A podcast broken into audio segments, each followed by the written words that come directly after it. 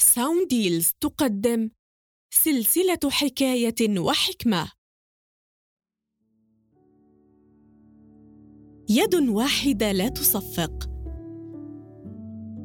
في قرية بعيدة، عاش رجل أعرج في بيته وحيداً. كانت حياته صعبة للغاية بسبب الشلل الذي يعاني منه. كانت حياته صعبة للغاية خاصة عندما كان يضطر للذهاب إلى مكان بعيد.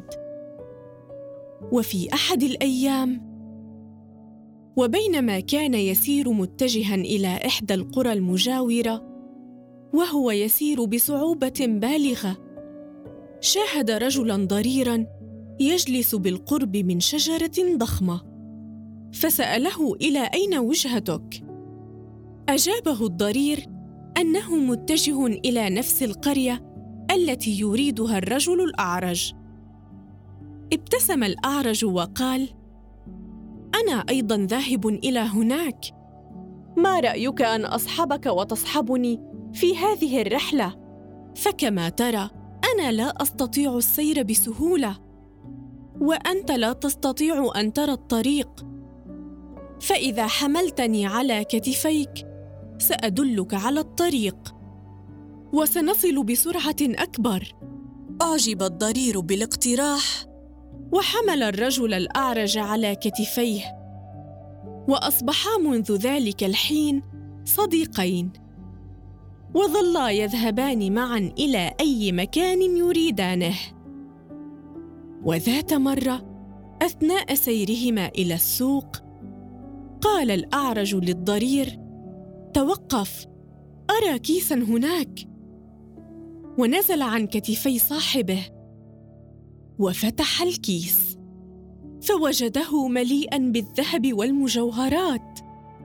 فسأله الضرير عما بداخل الكيس. أجابه الأعرج أنه كيس مليء بالذهب والمجوهرات.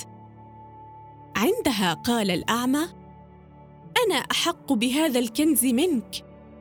فلم تكن لتجده لو مشيت وحدك ببطء وربما وجده أحد قبلك.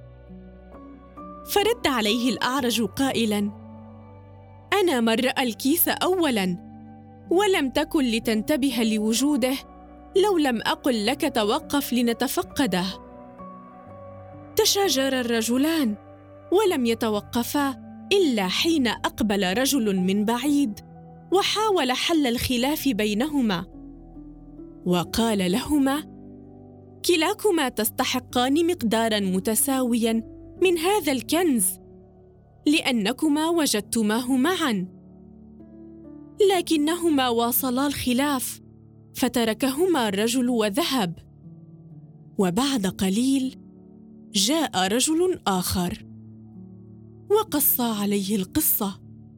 فأخذ الرجل الكيس منهما وهرب بعيدا حاملا معه الذهب والمجوهرات. حينها أيقن الرجلان أنهما خسرا الذهب والمجوهرات للأبد. وأيقنا أيضا أن هناك امورا لا نستطيع الحصول عليها كأفراد ولكن نستطيع أن نحصل عليها بالعمل الجماعي. وكما يقول المثل يد واحدة لا تصفق. هذه المادة من إنتاج منصة ساونديلز للتعليق الصوتي والمحتوى الرقمي.